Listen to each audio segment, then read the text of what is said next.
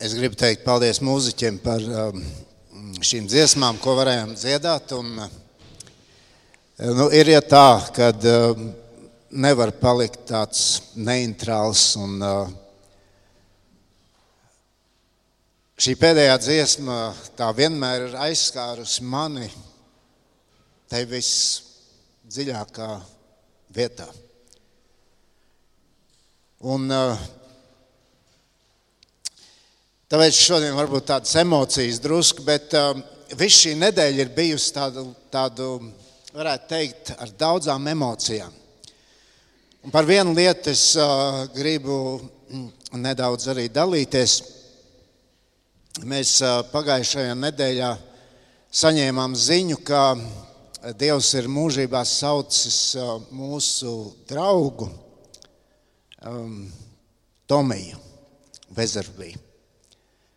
Es domāju, tie, kas Vīlandē nāk un uh, ir bijuši, viņi ļoti labi atceras. Vairāk kā 20 gadus mēs esam ar viņu varējuši būt ļoti tuvu. Šad un tad viņš ir atbraucis, bet es zinu, ka arī tad tur Amerikā, Richardsonā un vēlāk arī citā vietā esot, viņš vienmēr ir bijis domās par Latvijas. Un, uh, man daudz par viņu bija jādomā par tiem brīžiem, ko mēs varējām kopā pavadīt. Un par tām sarunām. Un tāpat laikā man bija jādomā par šodienas svētkrunu. Un tad par visu to domājot, manas domas apstājās pie vīra, kura vārdu Reinis minēja sākumā, un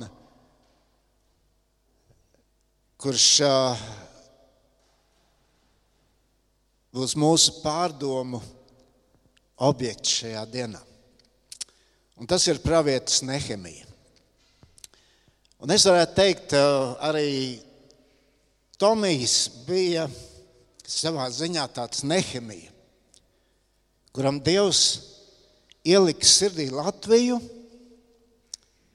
kurš ticēja, ka tā ir vieta, kur Dievs viņu sūta, kurš spēja motivēt tik daudz cilvēkus draudzē, lai viņi šeit brauktu, un viņi cēla cēla tīri fiziski šo namu. Un, uh, es domāju, arī garīgajā ziņā viņi daudz rūpējās, lai celtu mūsu draugu. Un uh, mēs varētu varbūt šajā brīdī vēlreiz lūgt Dievu un uh, pateikties arī par uh, to, ko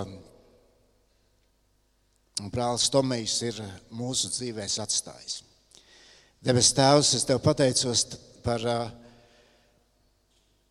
to, ka tu ļauj mums sastapt cilvēkus, kuri atstāja pēdas mūsu dzīvēs. Un paldies tev par Tomiju, par viņa mīlestību, ko viņš varēja mums rādīt. Bet pāri visam eh, pateicamies Tev par eh, viņa mīlestību uz Tevi. Tā bija tik patiesa. Un mīlot Tevi, Viņš spēja mīlēt arī mūs. Paldies par to devumu, ko Viņš varēja veikt arī šeit, Latvijā, un ne tikai Latvijā. Bet, eh, kungs, es gribu lūgt, lai tu svētī arī šīs dienas pārdomas par tavu vārdu, lai tas uzrunā katru no mums un uh, palīdz tam sekot. Tavā vārdā to lūdzam, Jēzu. Amen. Un es vēlos lasīt no tās pašas pravieša Nehemijas grāmatas, otrās nodaļas, šīs nodaļas noslēgumu, sākot ar 17. pantu. Jūs varat sekot līdzi. Tagad no es sacīju viņiem, jūs redzat nelaimi, kādā mēs esam, ka Jeruzaleme ir izpostīta un tās vārti sadedzināti ugunī. Nāciet un uzcelsim atkal Jeruzalemes mūrus, lai mēs vairs ilgāk nebūtu par apsmieklu un es stāstīju viņiem par sava dieva roku, kas labvēlīga bijusi pār mani, un arī par ķēniņa vārdiem, ko viņš bija man teicis. Un viņi sacīja: Celsimies un celsim. Tā viņi stiprināja savas rokas labajam darbam. Bet, kad Horonietis Sanbalats un amoniešu ierēdnis Tobija un arābs Gešems to dzirdēja, Tad tie izsmēja mūs un nonicināja mūs un sacīja, kas tā ir par lietu, ko jūs darāt? Jūs laikam gan esat nodomājuši celt dumpi pret ķēniņu un atkrist no viņa varas. Tad es atbildēju viņiem un sacīju: Debesu Dievs, Viņš ir tas, kas dos sekmes mums, un mēs, viņa kalpi, celsimies un celsim Bet jums te nav nekādas daļas, nec tiesības, nec piemiņa Jeruzalemē. Tie bija Dieva vārdi.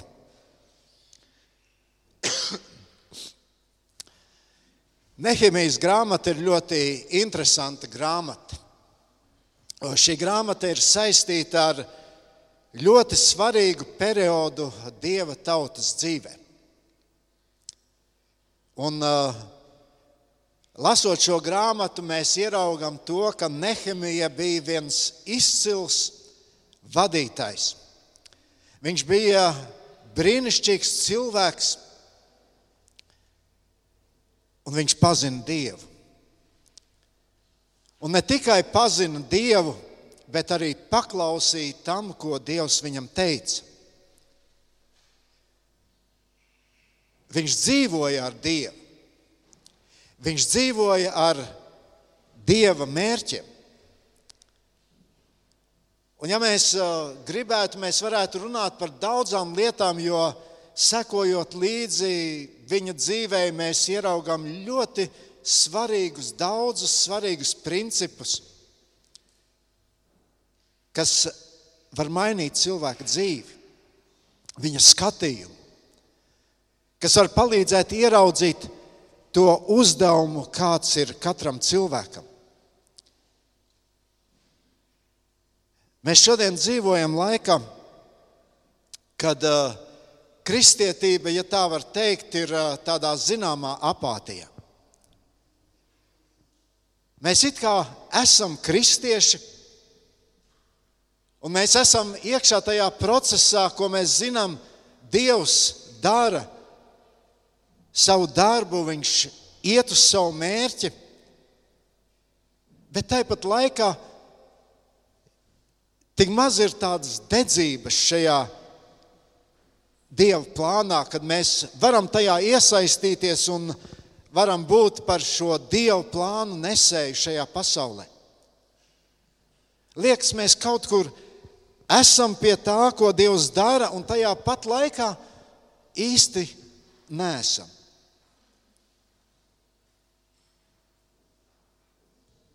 Un mēs vienmēr redzam to, lasot Dievu vārdu un vērojot arī notikumus pasaulē. Mēs redzam, ka Dievs pasaulē neko nedara bez mērķa. Un tad nu ir jautājums, vai tu šodien par sevi vari teikt, ka tu visu, ko tu dzīvē dari, tu kā kristietis dari to dieva interesēs. Kad mēs skatāmies uz tiem notikumiem, kas notika daudzus gadus atpakaļ, par ko mēs lasījām Nehemijas grāmatā, tad tie mums lielā mērā atgādina arī šodienas apstākļus. Nehemija dzīvoja laikā, kad uh, dieva tauta piedzīvoja vienu no tādiem zemākiem punktiem savā vēsturē. Un iemesls tam bija ļoti skaidrs. Šī tauta bija atkāpusies no dieva. Šī tauta neņēma vērā tos brīdinājumus, ko Dievs ar praviešiem tiem teica. Un tad atnāk Nebukadnēcers, viņš izposta Jeruzalemi, izposta un nodedzina svēto vietu, templi. Lielu daļu no tautas viņš aizved gūstā uz Babiloniju. Laiks iet, Šī tauta iedzīvojas tur, asimilējās ar pagānu tautām. Un Izraēla tauta pamazām sāk zaudēt šo izjūtu, ka viņi pieder Dievam. Viņi zaudē šo izjūtu, ka Dievam ir īpašais mērķis un uzdevums priekš šīs tautas šajā pasaulē. Jā, tur 90, apmēram 90 gadus pirms Nehemijas, tur Zerubābels aizgāja uz Jeruzalemi. Viņš iesāk atjaunot templi. Vēlāk tur dodas arī Ezra. Un viņi kopā atjauno kalpošanu templī, kaut arī tas vēl nav pabeigts. Bet tad atkal ir nelabvēļi kuri pasūdzējās ķēniņam, ka tas ir bīstami, kas tur notiek, un ķēniņš templi slēdza. Viss atkal apstājās. Un Nehemija tad nu bija cilvēks, kurš redzēja šo dieva tautas vajadzību, un viņš reaģēja tā, it kā tā būtu viņa personīgā vajadzība. Tur atnāk kādi cilvēki no Jeruzalemes un stāsta viņam, kā tur izskatās, kas tur notiek. Nehemija nevar palikt vienaldzīgs. Un cilvēcīgi skatoties, tas, ko viņš kā cilvēks bija iecerējis, ko viņš varbūt savā prātā domāja, Lai tas varētu realizēties, tā iespēja bija ļoti maza. Varētu teikt, pat nemaz. Jo Nehemija dzīvoja citā valstī, viņš bija labā amatā, un šie apstākļi viņu ierobežoja. Viņš nevarēja tā vienkārši izdomāt, sakramāt, sakravāt savu somiņu un tad doties tur 1500 km un kaut ko darīt, ko viņš ir iedomājies. Tas, tas nebija iespējams tajā laikā.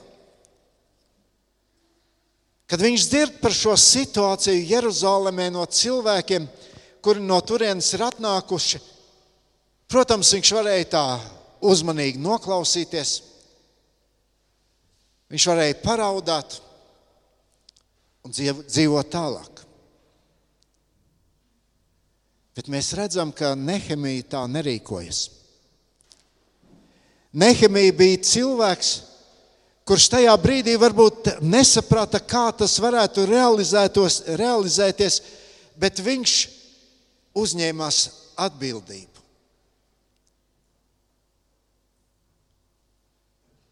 Viņš iestājās, ja tā var teikt, šajā plaisā.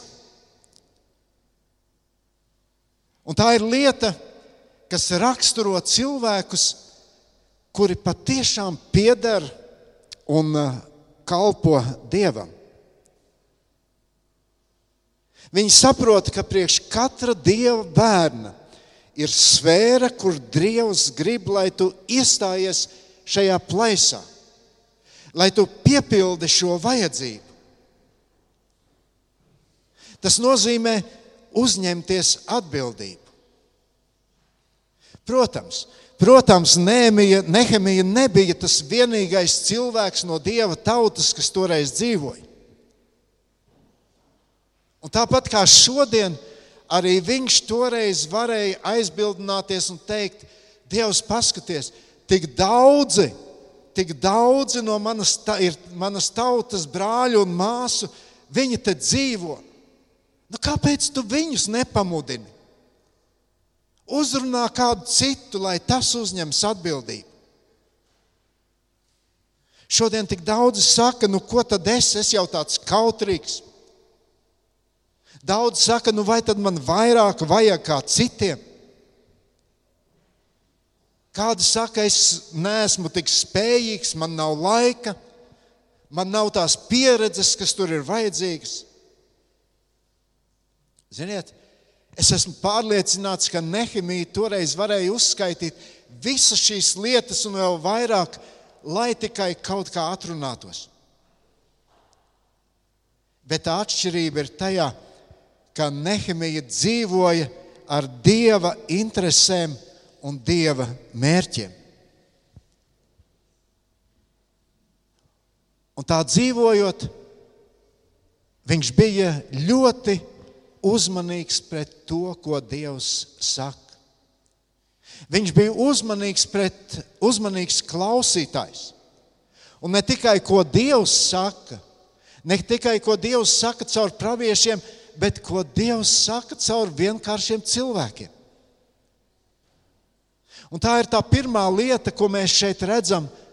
Svarīgi ir dzirdēt. Svarīgi ir ieklausīties, uzmanīgi. Un tas palīdz Nehemijam rīkoties tālāk. Viņš dzīvoja ar šo ticību ar šo ticību, ka Dievs savus mērķus piepildīs. Ka nekas nespēs stāties pretī Dievam šo mērķu realizēšanā. Un interesanti, interesanti ir pavērot, kā tad Nehemija realizē šo savu ticību šiem Dieva mērķiem. Mēs tur lasījām, Rēnis lasīja sākumā, ka viņš sāk ar to, ka viņš griežas ar lūgumu pie ķēniņa. Neskatoties uz savu drosmi, uz to, ka viņš bija apdāvināts cilvēks, viņš vienmēr domāja par mērķi. Viņš to redzēja, viņš tam nodevās.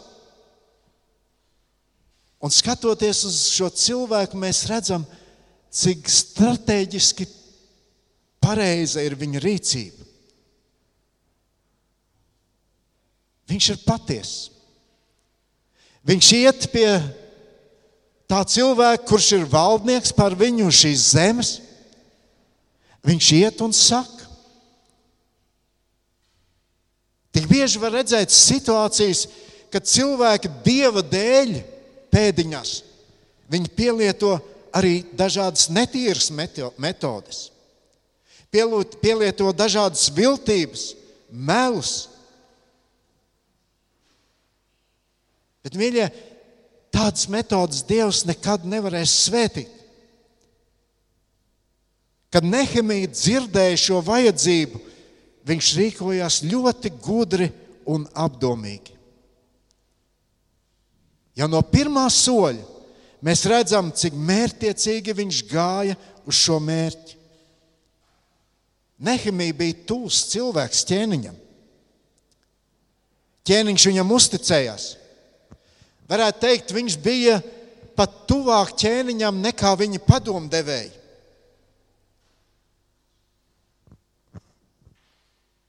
Un pēkšņi Nehemijas intereses ir pilnīgā pretrunā ar ķēniņa interesēm. Kā rīkoties? Nehemija arī šādā situācijā paliek tāds, kāds viņš ir. Patiess, uzticīgs, taisns. Mēs lasījām, un Nīsana mēnesī 20, 20. ķēniņa Artaksereksa valdīšanas gadā, kad vīns bija viņa priekšā, es pacēlu vīnu un devu ķēniņam. Es nekad vēl nebiju bijis noskumis viņa priekšā. Nīsāna mēnesis ir apmēram marts, aprīlis pie mums. Un ja mēs lasītu arī iepriekšējo nodaļu, tad mēs uh, saprotam, ir pagājuši apmēram četri mēneši, kopš Nehemijam ir bijusi saruna ar tautas brāļiem, par ko lasām pirmajā nodaļā. Šis cilvēks nav aizmirsis to šīs sāpes, šo pārdzīvojumu. Jeruzaleme, mūsu pilsēta, svētā vieta, Dieva templis.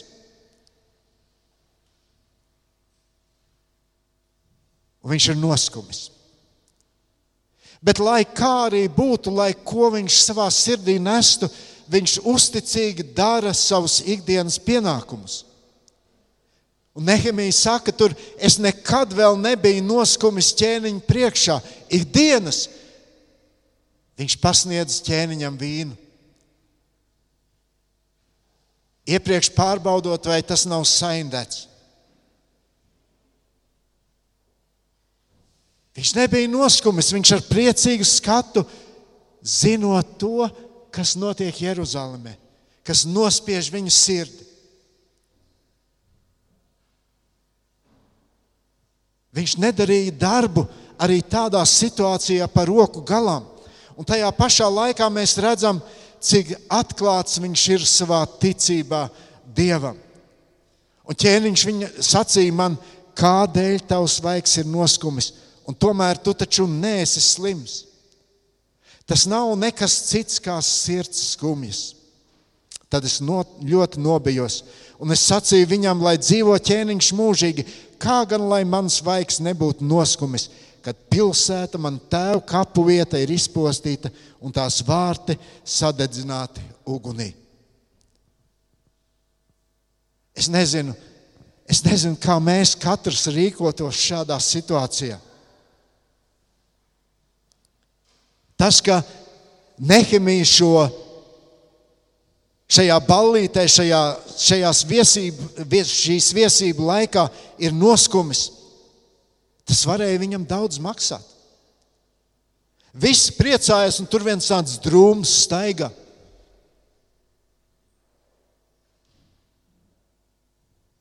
Tas varēja maksāt viņam dzīvību tajā laikā. Un, kad ķēniņš viņam jautā, viņš nesāk kaut ko izdomāt, ah, ķēniņ, man šodien tāda nelaba duša vai man kājas sāp vai muguras sāp. Viņš saka to, kas viņu skumdina. Arī te viņš tic Dievam un tic viņa mērķiem. Arī te viņš paliek uzticīgs savam aicinājumam, lai ko tas viņam arī maksātu. Ziniet, lai arī tā iespēja ka ķēniņš viņus sadzirdēts bija maza. Nehemija to izmanto. Un šo Nehemijas uzticību Dievam un viņa mērķiem skaidri rāda šī pēdējā frāze, 4. pantā. Tad ķēniņš sacīja man, ko tad tu lūdz? Bet es lūdzu debesu Dievu Ziniet, tās varbūt bija 10, 20 sekundes. Bet ar to pietika, lai viņš zinātu, ko šajā situācijā teikt. Vai tas nav viens svētīgs ieradums? Un tad Dievs ir tas, kas dod īstos, pareizos vārdus, ko teikt. Cik bieži mēs tā griežamies pie Dieva? Tas varbūt ir viens mirklis, kad kādam kaut kas tev ir jāsaka. Kad varbūt kāds cilvēks tev ir uzdevis kādu jautājumu. Tev ir jāapliecina, cik varens ir Dievs. Jāapliecina, savu uzticību šim dievam? Kur tu meklē atbalstu, kur tu meklē spēku, kur tu meklē palīdzību? Un, ja mēs lasītu tālāk šo grāmatu, mēs redzam, ka Nehemijam tas bija viens lielisks ieradums lūgt Dievu.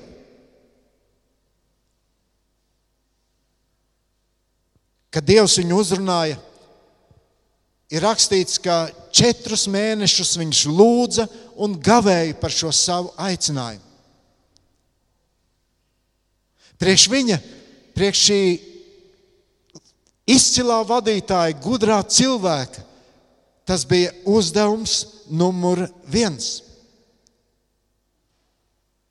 Un tikko radās šī iespēja, viņš parāda savu ticību šiem dieva mērķiem, šim dieva aicinājumam. Viņš saprot, lai ko arī viņš darītu. Ja Dievs nedarīs, tam nebūs nekādas jēgas. Un vienmēr, tikko ir šī iespēja, Nehemija vispirms griežas pie Dieva. Viņš saprot, tikai Dievs var realizēt savus mērķus, lietojot viņu šajā situācijā. Vai tā nav viena īsta, patiesa, kristīga dzīve? Ziniet, viņš jau varēja teikt, no nu, Dievs man lika, ķēniņ, Dievs man lika. Un ja tu iebildīsi, zini, tevis sagaida nebukadnēts ar liktenis. Kad viņš sajuka prātā, ēda zāli, Viņš varēja teikt, Dievs man lika, un ja tu ķēniņu nepaklausīsi, tevi sagaida Belzacara liktenis, kuram Dievs sapnī parādījās un roka uz sienas rakstīja, tu esi svērts svaru kausā un atrasts par vieglu. Nākošajā naktī ķēniņš nomira. Nē, viņš tā nesaka. Viņš ļoti, ir ļoti korekts un saka, ja ķēniņam patīk mani sūtīt.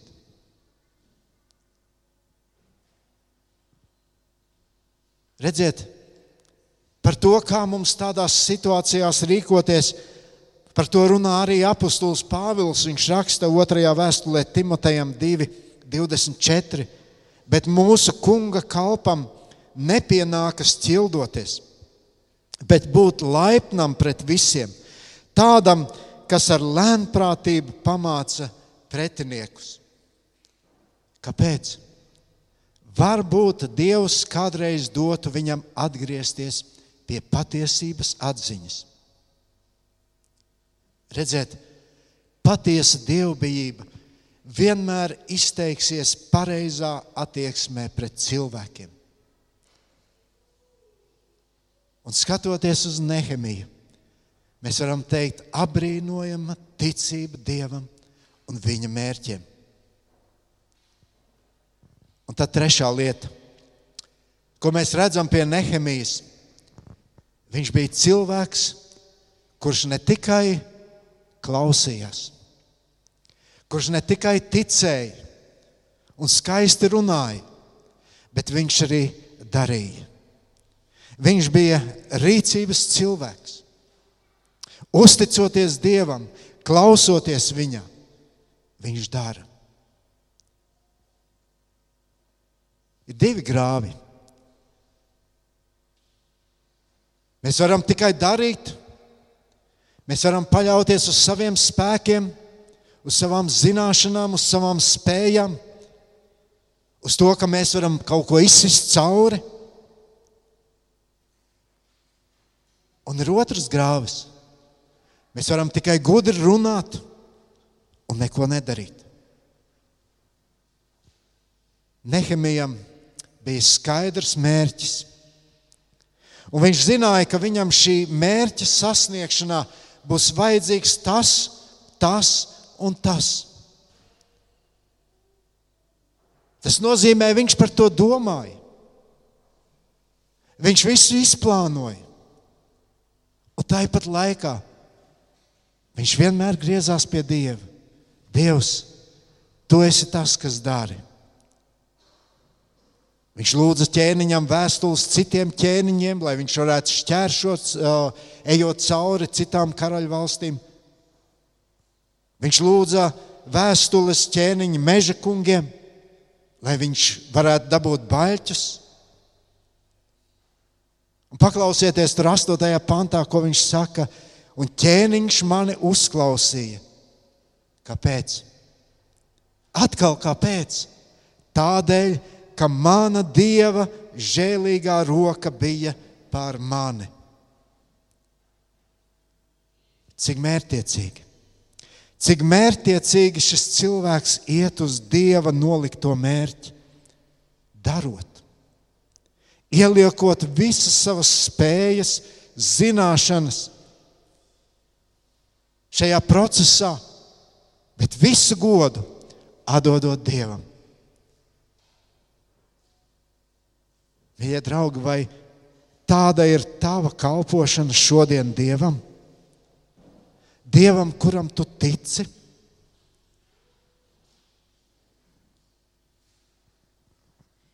Nehemija saprata, viņš varētu uz galvas stāvēt ķēniņa priekšā. Bet, ja Dievs neatvērtu ķēniņa sirdi, nekas nenotiktu. Un tā ir tik unikāla iespēja katram kristietim būt dieva darba biedram. Un tā Nehemija, Nehemija ar uh, pavadoņiem nonāk Jeruzalemē. Viņš redz to postu. Viņš trīs dienas vienatnē tur staigā, skatās. Droši vien sirds viņam ir sažņaugusies. Un tad viņš runā ar saviem cilvēkiem un saka, un stāsta to, kā Dievs viņu uzrunāja, kā Dievs viņu aicināja. Un es stāstīju viņiem par savu dieva roku, kas labvēlīgi bijusi pār mani un arī par ķēniņu vārdiem, ko viņš man bija teicis. Un viņi sacīja, celsimies un celsim. Tā viņi stiprināja savas rokas labam darbam. Bet redziet, ne jau viss arī tādā situācijā iet tik gludi. Tur ir kādi, kas iebilst, kādi, kas izsmēja, kādi, kas piedraud, nu jūs kaut ko sliktu darat, nelikumīgu, mēs iesim ķēniņam sūdzēties. Bet ja Dieva cilvēks saprot šo savu Dieva aicinājumu, saprot šo Dieva mērķi, uz kur Dievs viņu ir aicinājis, tad nekas viņu nespēja atturēt. Nekas. Tad es atbildēju viņiem un sacīju, debesu Dievs, Viņš ir tas, kas dos sekmes mums, un mēs viņa kalpi celsimies un celsim. Bet jums te nav nekādas daļas, nec tiesības, nec piemiņas Jeruzalemē. Mīļie, Dievs arī šodien mūs aicina. Vispirms tas ir aicinājums pieņemt šo Dieva dāvāto žēlastību caur Jēzus Kristus Golgātas upuri. Pieņemt to, ka Jēzus uzņemas tavus un manus grēkus, lai atjaunotu mūsu attiecības ar Dievu. Jēzus ir tas, kurš nostājas šajā plaisā, plaisā, kas mūs šķir no Dieva. Un tas ir aicinājums arī dzīvot kopā ar Dievu un piepildīt viņa mērķi. Atcerieties, mēs ar to sākam. Dievam katrā vietā, pie katra cilvēka, pie katra savu bērnu, uz šīs pasaules ir savs mērķis. Vai tu to esi sadzirdējis? Vai tu to saredzi? Celsimies un celsim. Tā viņi stiprināja savas rokas labam darbam. Un ja tu esi patiesa Dieva bērns, tad tu nevari palikt vienaldzīgs pret šo Dieva mērķi šajā pasaulē. Satver to. Tici Dieva vispēcīgai rokai un celies un cel. Un es gribu noslēgt ar vārdiem, kas ir rakstīti Ecehela grāmatā, 33. nodaļā, 7. pantā. Un pravietis saka tā, tevi cilvēka bērns, es esmu izredzējis par sargu Izraēla namam, lai tu, ja tu saņemsi kādu vārdu no manas mutes, tos brīdini manā vārdā. Tā ir iespēja, un tas ir reizē arī katra kristieša uzdevums. Lai Dievs palīdz mums to piepildīt. Lūksim Dievu. Debes Tēvs, paldies par šo atgādinājumu. Paldies, ka Tu tik dažādos veidos mūs uzrunā. Paldies, ka mēs varam sadzirdēt šo Tavu aicinājumu. Un arī šī diena ir tik piepildīta ar šiem vārdiem, kur Tu aicini mūs. Dievs dod, lai katrs no mums nebūtu tikai tie, kas sagaidām, ka tu kaut ko darīsi priekš manis. Lai šis laiks, kurā dzīvojam, nav laiks, kurā mēs domājam tikai par sevi, par to, lai es labi justos šajā pasaulē. Bet tu, Dievs, tik ļoti mīlēji šo pasauli ka tu sūtīji Jēzu. Un paldies, ka mēs pazīstam Jēzu Kristu, ka varam nest viņa vārdu šajā pasaulē. Kungs, un dod kaut mūsu sirdīs būtu šīs patiesās ilgas, šo tevis nospraustu mērķi katra mūsu dzīvēm piepildīt. Lai reiz no tevis, katrs no mums, mēs varētu dzirdēt, labi, tu godīgais un uzticīgais kalps. Amen.